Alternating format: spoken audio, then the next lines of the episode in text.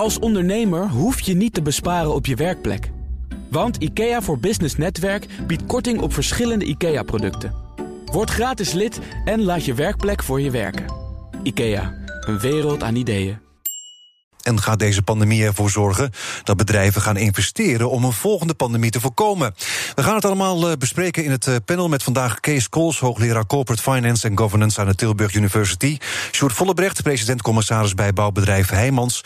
En eh, non-executive director bij Milen. En mijn zakenpartner Monique Ansink, directeur van Jumbo Spanbandfabrikant.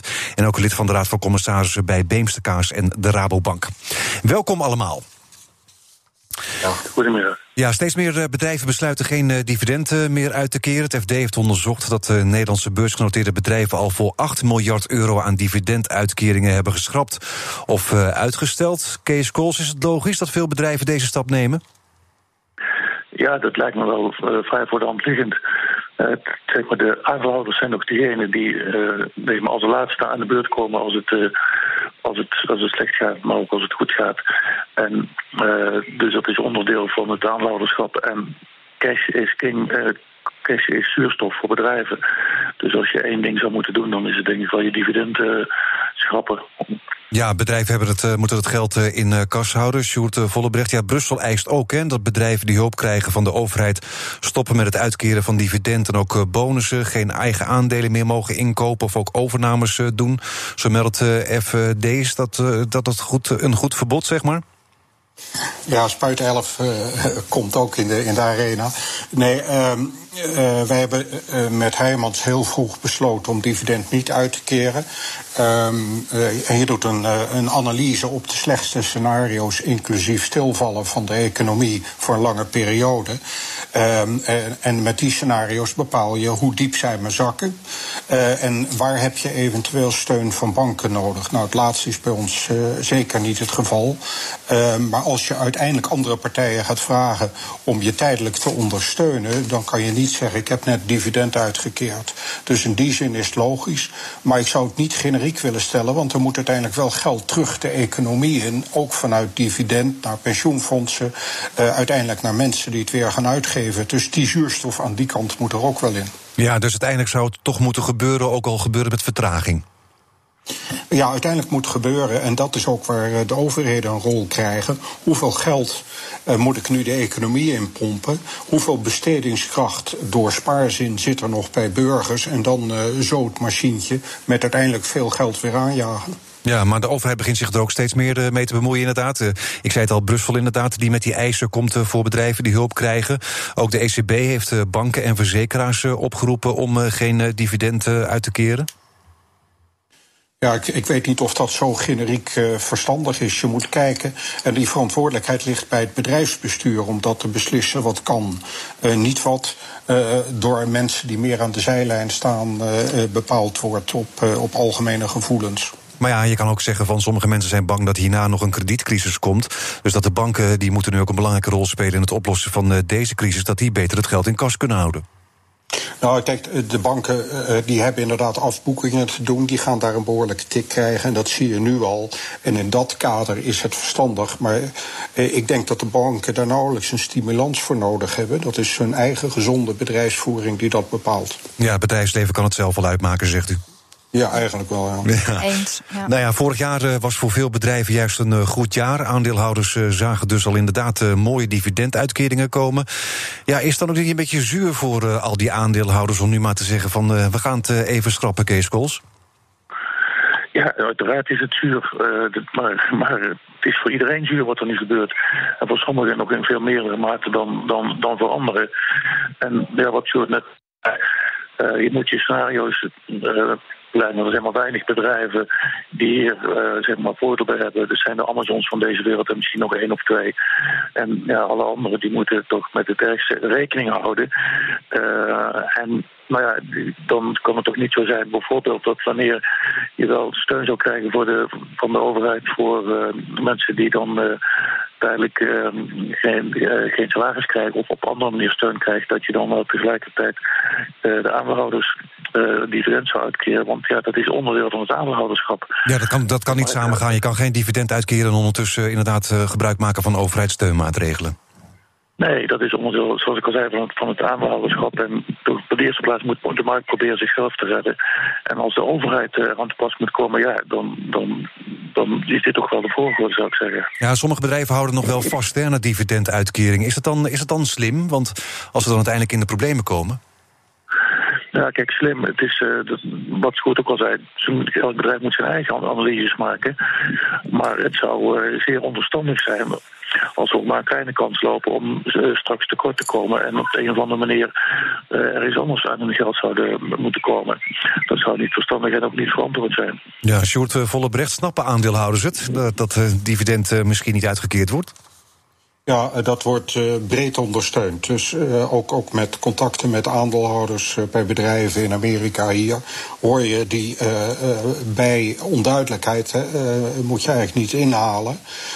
en en dat, dat hoor je daar ook. Dus men ziet het als verstandig beleid. En wij hebben niemand gehad die op de deur klopt. keer nou uit, keer nu uit. Nee.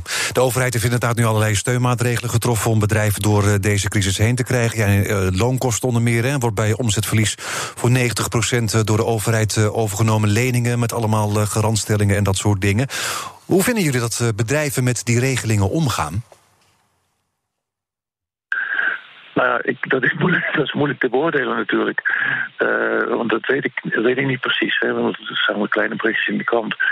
Maar je moet wel je eigen verantwoordelijkheid nemen. Ik las bijvoorbeeld dat uh, uh, wel, een van die grote, zeer rijke Franse modeconcerns, Gucci, of nee, die andere geloof ik, uh, Louis Vuitton, ja? die hebben echt, echt enorme reserves. Dat die toch hadden overwogen om uh, bij de staat aan te kloppen. Ja, dat, is dan, dat vind ik dan niet uh, verantwoord. Maar als het nodig is, dan is het nodig. En daar is dus wel verantwoord gebruik van maken. Maar, maar moet, je, moet je als bedrijf nu ook extra om je imago letten? Want uh, de Volkskrant meldt dat zeg maar Booking.com ook gaat aankloppen. Terwijl ja, vorig jaar is er nog vol miljarden aan eigen aandelen zijn teruggekocht. En nu moeten ze inderdaad bij de overheid aankloppen. Moeten bedrijven ook rekening houden met hun imago nu... als voordat ze bij de overheid op de deur staan, voor de deur staan? Ja, maar niet op deze manier. Ik bedoel, dit, dit is een verrassing. Dat kun je het bedrijf niet kwalijk nemen. Als we vorig jaar uh, aandelen hebben ingekocht of uh, dividenden betaald enzovoort. Dit is een verrassing voor iedereen. Je kunt niemand uh, erop aanspreken dat hij, dat hij dat had moeten zien aankomen. maar, maar daar wel verantwoord mee omgaan. Ja, Sjoerd Vollebrecht. Maar de, ja, de, um, wanneer de regeling wordt aangeboden... He, um, in Nederland is het zo dat je aan moet tonen... Uh, dat heel veel mensen op de bank zitten en geen werk hebben... in een juridische eenheid. Wanneer je dat samen hebt gebundeld in één grote juridische eenheid... Uh, bereik je dat punt niet. Dus moet je je eigen broek ophouden. Ja. Aan de andere kant, als die regels er zijn, maak er gebruik van. Uh, ook, al, ook, al, ook al is het niet nodig. Dus ze zijn er en je hebt een verantwoordelijkheid als bestuurder daar gebruik van te maken. Maar je moet wel afwegen wat kan ik dan wel doen voor de gemeenschap om dat een stuk te compenseren, omdat ik extra middelen heb. En dat zie je ook inmiddels gebeuren. Dus de reputatie zeker in de gaten houden. Uh, maar uh, maak gebruik van wat er is, dat is daarvoor bedoeld. En daar heb je dus ook recht op. Maar wat voor, wat voor compensatie zou er dan tegenover kunnen staan? Wat bedoelt u daarmee? Nou, je ziet uh, steun in ontwikkeling van medicijnen. Je ziet dat uh, he, plat, uh, wat platter bij de mondkapjes en dergelijke. wat je moet voorkomen, dat je wordt gezien als een profiteer van deze crisis. Maar eigenlijk, dus eigenlijk, eigenlijk wat u zegt, van als je inderdaad 20% omzetval hebt gehad... en je komt dus in principe in aanmerking voor die regeling... dat de overheid dan kosten overneemt... ook al heb je het niet nodig, moet je het toch doen. Dan moet je doen, je bent bezig om je cashbuffers overeind te houden. Want dat uiteindelijk is belangrijk. En wanneer een bedrijf los van een situatie als dit in een crisis terechtkomt, verliezen leidt, is het eerste wat je doet cash, cash, cash bouwen. Uh, omdat je dat dan weer zo snel mogelijk aan het werk kan zetten of erger kunt voorkomen. Ja. Dus je, je hebt bijna een plicht om dat te doen, maar je moet dat wel compenseren. Maar is dat niet een beetje, een beetje raar? Nou, want, want deze regeling nou. is het toch om bedrijven door de crisis heen te krijgen. En als je dan zou, zeg maar, als bedrijven die het nodig hebt. Hetzelfde geldt nu ook bij wijze van spreken voor ZZP'ers. Alleen ZZP'ers die het echt niet meer redden, die krijgen het geld. En als ze, en als ze genoeg geld hebben, dan moeten ze het zelf maar uitvinden. Uit, uh, nou, ja, dus moet je ook criteria vastleggen. Dus, ja, nee, dan moet je criteria vastleggen vanuit de overheid, waarin je zegt: oké, okay, hier en hier, dit moet je aantonen. Ja. Daarnaast. En uh, in dat geval uh, kan, je, kan je hier beroep op doen, maar anders niet. Dus dan moet je dat vanuit de wetgeverskant doen. Ja, dus uh, Kees Kools, die regeling is er, dus maak er gebruik van. Nou ja, ik wil inderdaad net reageren op wat je goed zei van hij is er dus maakt er gebruik van.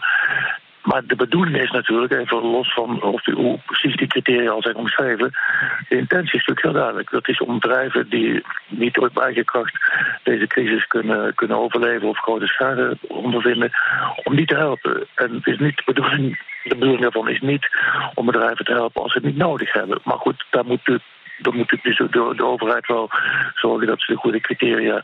De, criterium is eigenlijk alleen maar 20%, minimaal 20% omzetverlies. Dat is de enige. Dus er zijn één criterium vergeten eigenlijk. Als je het zelf kan redden, zou je het zelf moeten redden of niet? Ja, dat is de vraag. Kijk, dat is daarom zou het, het is natuurlijk allemaal heel snel gegaan. Dus er is misschien te weinig over nagedacht wat ermee gaat gebeuren. En als natuurlijk iedereen denkt, ja, pakken wat hij pakken kan. uiteindelijk betalen we met de hele economie dat geld weer terug. Op een gegeven moment die rekening krijgen we zelf gepresenteerd. Dus ik denk dat het wel heel belangrijk is, ook in de boardroom, dat uh, het bestuur en, uh, en de toezichthouders ook hier wel zorgvuldig mee omgaan en uh, verantwoorde beslissingen nemen. Zowel voor het bedrijf als voor de overheid, natuurlijk voor de, voor de economie zelf. Maar je moet inderdaad in deze tijd toch ook denken om je imago. Hè? Kijk, als je, als je als bekend staat als bedrijf wat inderdaad jarenlang uh, goed geboerd heeft en dan, dan nu een tegenslag en je staat meteen bij de overheid op de stoep, dat is voor je imago misschien ook niet helemaal goed. Ja, maar de omzetgrens is gewoon min 20 procent. En daar uh, rekenen de bedrijven natuurlijk mee. En die hebben er dan ook wel daadwerkelijk last van. En de bedoeling is dat er geen mensen ontslagen worden. En uh, als deze regeling er niet zou zijn geweest, misschien had Bob.com dan, of Booking.com dan besloten om mensen te ontslaan.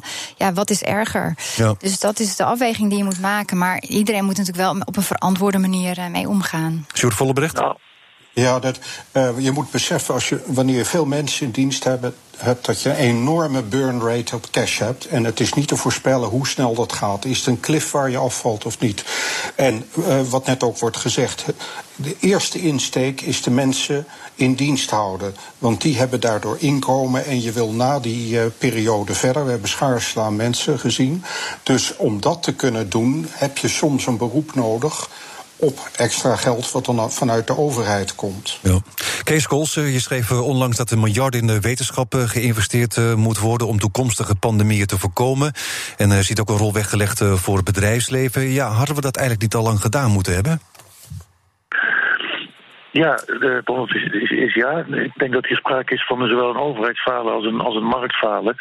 De farmaceutische industrie had dat kunnen doen en zou, zou daar ook veel geld mee hebben verdiend. Het enige is dat ze niet precies wisten wanneer ze dat geld zouden gaan verdienen. Omdat ze niet wisten wanneer zo'n pandemie zou uitbreken. Maar dat die uit zou breken, dat, daarvan zeggen alle virologen dat dat, dat, dat uh, evident was. En dat, uh, dat er is ook heel vaak voor gewaarschuwd. Uh, hetzelfde geldt voor de, voor, voor, de, voor de overheden. En wat je ziet meer in het algemeen, ik ben een beetje teruggegaan in de historie, dat maar op zijn best uh, wordt er zeg maar, preventief geïnvesteerd als er een keertje iets fout gegaan is. Ik denk een goed voorbeeld is de delta werken. Mm Er was ook duidelijk dat een keertje die combinatie van harde noordwesterstroom van meer dan 12 uur en dan nog eens een keertje springtijd, dat dat zeker eens een keer zou gebeuren. Uh, en toen is het, dus dat is toen pas daarna gebeurd. Binnen 20 dagen was een delta-commissie en 30 jaar later was er 12 miljard uitgegeven. Ja. Dus dat is een goed en een slecht voorbeeld. Het is weer een voorbeeld van nadat het kalf verdronken is. Um, maar ja, is het nog niet een beetje logisch als de urgentie ontbreekt? Ik bedoel, niemand had dit misschien uh, kunnen voorstellen. Achteraf kan je misschien inderdaad zeggen van we hadden voorbereid moeten zijn. We hadden misschien al uh, miljarden moeten investeren in een soort van vaccin. Want er waren nu die honderden miljarden waren inderdaad niet nodig. Nee, maar het, het, was, het, was, het was evident. Het was zeker dat het gebeurt. Griep, griep virussen van met, in, in grote mate ongeveer om de 25 jaar coronavirussen Daarvan is de regelmaat niet duidelijk. Maar dat het zal gebeuren. Bill Gates heeft uh, inmiddels zijn bekende 2015 TED-talk aangeweid. Die zei: het allergrootste risico wat we lopen is niet een oorlog, is een viruspandemie. Dus er is volop voor gewaarschuwd. Uh, en de zekerheid dat er zou komen, die was er. Alleen niet duidelijk wanneer. Maar dat is blijkbaar elke keer weer onvoldoende gebleken, toch? Voor overheden met een beperkte, toch met een beperkte tijdshorizon van ja, vier jaar en dan weer nieuwe verkiezingen enzovoort. Het is natuurlijk niet leuk en populair om daar geld in te investeren. Maar niet zonder dat iemand het weet of zonder dat er enige aandacht aan wordt besteed, trekken wij nu 1 miljard per jaar uit voor onze Delta-commissaris. Om dat om, om dat uh, te onderhouden. Nou ja, dat is toch beter gegaan. Denkt u dat het nu ook beter zal gaan met de bestrijding van pandemieën voor de toekomst als dit achter de rug is? Nou, kijk, als er één, als er één moment is waarop hopelijk er wel voldoende urgentie is om, om, om dit te doen. En ik heb het uitgerekend, het is nog geen. Het is een half promil of minder, nog minder wat daarvoor nodig is van alles wat er nu wordt uh, uitgegeven aan de economie. Ja, dan is het natuurlijk nu. En dan is het nu. je moet twee dingen doen: een twee-sporenbeleid. Enerzijds een soort deltaplan, maar dan voor infectieziekten. Om te zorgen dat als er weer snel eentje uitbreekt, dat we, dat we dan veel beter zijn voorbereid. En tegelijkertijd dit, dit onderzoek waarvan men verwacht dat het zo'n 10, 15, hooguit 20 jaar duurt voordat er een universeel vaccin is voor, alle, voor alle griepen, voor alle corona's enzovoort. Ja, Sjoerd Vollebrecht, hoe uh, ziet u dit? De, uh, de, diepte van de crisis bepaalt uh, de lengte dat het in ons geheugen gegrift staat, maar het komt een keer terug. Hoe dieper de crisis, hoe langer dat duurt.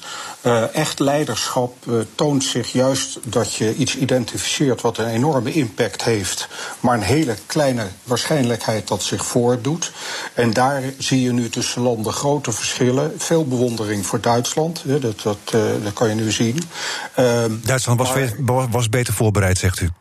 Ja, uh, wij zijn ook heel af en toe, we doen het op dit moment niet zo slecht, maar we zijn ook van een land die altijd kijkt, kunnen we met minder geld meer krijgen. Dat zit in de, en dat bedoelt u dat Duitsland meer IC-bedden heeft? Ja, meer, eh, eh, je moet dus in, eh, net zoals bij een brandweer, een brandweer moet je door in blijven investeren, maar je hoopt hem nooit nodig te hebben. Mm-hmm. En er is een neiging om dat dan uit te hollen. Ja. Daarnaast zie je de enorme fragmentatie van de aanpak. Nou, we hebben draaiboeken die kunnen duidelijk verbeterd worden, waardoor je veel sneller acteert, waardoor je dus veel meer problemen voorkomt. En daar gaan we zwaar van leren. Maar zelf vraag ik me altijd af, als Nederland nu veel meer IC-bedden had gehad vanaf het begin, hadden we dan ook in deze situatie gezeten? Uh, dan hadden we eh, onze focus weer op andere zaken kunnen zetten waar we ook tekort aan hebben. En met een goed draaiboek hadden we dat geïdentificeerd. Wat zijn verkorte procedures wanneer een vaccin zich voordoet om toch een uh, middel te ontwikkelen wat het afremt. Of uit de bestaande medicijnen. En uiteindelijk een vaccin. Dat, dat zijn dingen waar je op kunt voorbereiden. De werkelijkheid zal altijd anders zijn, maar je hebt een basis waarvan je versneld kunt springen. en je hebt nu regeringen gezien die met in Engeland, andere landen landen met grote woorden eigenlijk zeiden: jongens, er is weinig aan de hand. Terwijl ze daardoor heel veel tijd vermorst hebben. En, en dat heeft veel doden tot, extra tot gevolg gehad. Ja, en ook Nederland heeft dus ook eh, steken laten vallen, zegt u. Uh, Nederland zit in de middenmoot uh, op dit moment. Uh, maar de best in class is op dit moment Duitsland met een aantal Aziatische landen die met SARS te maken hebben gehad. Singapore daar en Korea. Veel, ja. ja. Ja, daar moeten we gewoon veel van leren. En dan voorkomen we het volgende keer. wat er nu is gebeurd, dat is wat je noemt water under the bridge. Dat is heel triest. Ehm, en heel slecht doet Nederland het niet. Ik heb bewondering voor hoe ze het aanpakken. Maar we hadden het nog beter kunnen doen. Ja, en, en, en er moet dus geïnvesteerd worden, inderdaad, misschien ook wel een Delta-commissaris eh, pandemieën voor de toekomst. Nee, je moet, uh, wat regulier eigenlijk wel gedaan wordt, draaiboeken maken, risicoanalyses doen. Dat is ook in het bedrijfsleven geëvalueerd in de laatste vijf à tien jaar. Nou, dat, dat moeten we ook blijven doen bij de overheid, die als eerste aan, aan zet is bij dit soort uh, situaties. Ja, we zitten midden in het ja, boterhampeddel. Vandaag met uh, Kees Kools, Sjoerd Vollebrecht en mijn zakenpartner Monique Ansink. Ja, Kees Kools, ik hoor u nog iets zeggen. Wat wil u zeggen? Ja, dus een, een draaiboek betekent ook investeren. Dus investeren in productiecapaciteit, investeren in, in, in, reservemiddelen, investeren in logistiek enzovoort. Het is niet van wat moeten we doen als, het is ook daar, daaraan, daaraan vooruitgaand. Flink investeren in alles wat er dan nodig is en wat dan onmiddellijk beschikbaar moet zijn. Ja, absoluut. Bedrijven en de overheid die kijken in deze tijden ook weer een beetje voorzichtig naar de beste manier om eh, de economie weer te herstarten. Hopelijk wordt het allemaal vanaf 28 april iets eh, losser. In sommige Europese landen zijn de scholen alweer de deels eh, geopend en openen bedrijven ook steeds meer de deuren. Um, Sjoerd Vollebrecht, hoe belangrijk is het dat Nederland binnenkort ook die intelligente lockdown gaat versoepelen? Nou, zeer belangrijk. Hè? Uiteindelijk moet de economie en mensen moeten werk hebben voor verschillende redenen. Uh, naast het indammen van de kans op een aantal doden. In die zin is het bijna vergelijkbaar met oorlogsvoering. Hoe ga je uiteindelijk naar vrede toe en je weet dat je slachtoffers zult hebben. Maar je moet voorzichtig doen en geleidelijk opstarten in bepaalde formules. Aantonen dat je goede voorzorgsmaatregelen neemt. Dat zijn allemaal dingen die, die absoluut moeten gebeuren voordat je die druk op de knop doet. Ja, in deze, deze uitzending hoorden we eerder kritiek dat zeg maar, de economie nu eigenlijk niet aan bod komt in deze hele crisis. Ja, er zijn natuurlijk wel steunmaatregelen genomen, maar er wordt eigenlijk niet echt goed naar gekeken. Wat vindt u? Nee, binnen de bedrijven wordt er. en een groot aantal bedrijven werkt nog. Heijmans is er een voorbeeld van. Die ervaren dus dagelijks de complexiteit en zijn dus al bezig om door te denken hoe gaan we het weer opstarten. ASML weet ik dat al vrij ver in zijn denken is. Hoe gaan de ploegen werken op kantoor? Dus het, het, je hebt een warroom voor vandaag. Wat gaat er fout? Wat moeten we oplossen? Je bent aan het kijken bij een opstart, voorzichtige opstart. Hoe gaan we dat inrichten? En daarna ga je nadenken in de toekomst hoe worden we robuuster als dit op ons afkomt. En als laatste voor overmorgen begin je te denken wat zijn de, de kansen die ontstaan uh, doordat meer technologie gebruikt zou worden, sterke uh, data-analyses, robotisering, andere inrichting, uh, aanpassing van je toeleveringsketen. Dat gaat ook kansen bieden, ofwel je gaat bedreigingen voorkomen. Dus daar, daar heel langzamerhand gaan we naartoe evalueren. Ja, maar die gezondheidszorg is inderdaad nu leidend in hoeverre de economie ja. weer een beetje open gaat. Is dat logisch? Uh, nou, tot bepaalde hoogte. Dat je de eerste grote klap opgevangen hebt. Net zoals een bokser een hele harde klap gaat. Zorgt dat hij weer even stabiel op zijn benen staat. Uh, maar je moet er niet te ver in gaan. Dat je een lockdown houdt uit conservatisme en voorzichtigheid. De wereld is een dynamische omgeving. Lange tijd dat helemaal afsluiten. Dat gaat niet werken op, om verschillende redenen. De toezichthouders zitten nu natuurlijk ook allemaal op afstand. Hè. We zitten allemaal vanuit, uh, ook met al die met, met Zoom of Teams nu te vergaderen. Heeft u nog uh, tips waar de toezichthouders uh, op moeten letten bij de bedrijven, ex extra op moeten letten in deze crisissituatie? Nou, wat ze in mijn ogen zouden moeten doen is uh, goed opletten welke zaken hebben we ingeregeld met strakke procedures die een lange doorlooptijd hebben. Uh, wat kunnen we daar versnellen? Uh, of, of wat ruimte geven om te versnellen. Um, zodat stroperigheid in het weer opstarten, in, om dat te voorkomen. Heel concreet zien we dat natuurlijk ook rond, rond bouwplaatsen, vergunningen voor de infrastructuur in Nederland. Um, de overheid overheidskant, zowel als het bedrijfsleven en de toezichthouder moeten kijken waar kunnen we de teugels veilig laten vieren. Uh, misschien iets tegen de regelgeving uh, in of richtlijnen die we, die we normaal toepassen. Kees Kools, hoe kijkt u naar? Ja, uh, ik denk, uh, ik vind overigens dat Nederland het, als ik dat zo, zo lees en hoor en zie, inderdaad heel goed doet op dit moment.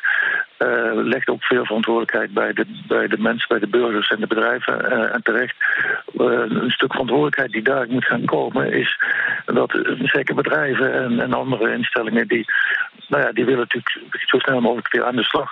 Om, omdat ze in grote economische problemen zijn gekomen. En dan wordt het wel, denk ik, spannend. En dat zou ook nog eens spanningen kunnen gaan opleveren.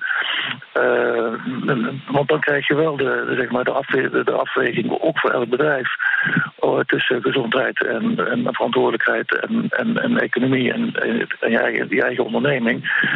Uh, en dan ja, moet je, dus sommige, dan lijkt het misschien voor een leek, ik ben ook een leek, ook al las ik dat we tegenwoordig 17 miljoen virologen hebben in Nederland. Ja. Maar uh, uh, dan moet je toch afgaan op de, op de experts. En als die dan zeggen, ja, het lijkt nu allemaal minder, en beter, minder te worden en beter te gaan. Als je naar al die grafiekjes kijkt, maak ik uit. Want voor je het weet, nou ja, dan komt het weer, komt het weer terug. Dan hebben we weer de volgende lockdown inderdaad. Ja. Ja, ja. Dat wordt vooral ook getriggerd door de opmerking die ik pas onze voorzitter van VNO-NCW uh, zag, uh, zag maken op tv. Dus inmiddels al een week of één of twee weken terug. Die zei, nou, na de vakantie, dan gaat de dan gaan we weer gas geven. Nou, dat vond dus in dit verband een hele onverantwoorde, een onverantwoorde opmerking. Want ja, hij kan ook niet voorspellen waar we dan zijn en hoe het er dan voor staat. Nee. Dus dat soort teksten, daar, daar, moeten we wel mee uitkijken. Want dan gaan dus allerlei bedrijven een, een, misschien een lijn volgen en zeggen... ja, we gaan ervoor, terwijl het misschien nog helemaal niet aan de orde is of onverantwoord is. Weinig mensen kunnen voorspellen inderdaad eh, hoe het uh, verder gaat. Dank uh, ja. allemaal. Kees Kools, hoogleraar Corporate Finance and Governance aan de Tilburg University. Sjoerd Vollebrecht, president-commissaris bij bouwbedrijf Heijmans. En ook dank natuurlijk mijn zakenpartner Monique Monique Ansink, directeur van Jumbo Spanbandfabrikant. Tot, tot zover BNR uh, Zaken doen uh, voor vandaag. Morgen spreek ik Bart van Zijl Langhout. Hij is van de farmaceut Janssens over een mogelijk coronavaccin. Deze uitzending kan je terugluisteren via de BNR-app en via bnr.nl. Zometeen na de nieuwsupdate Newsroom. Dat is de dagelijkse podcast van het FD en BNR. Prettige dag, tot morgen. Als ondernemer hoef je niet te besparen op je werkplek. Want IKEA voor Business Netwerk biedt korting op verschillende IKEA-producten. Word gratis lid en laat je werkplek voor je werken. IKEA, een wereld aan ideeën.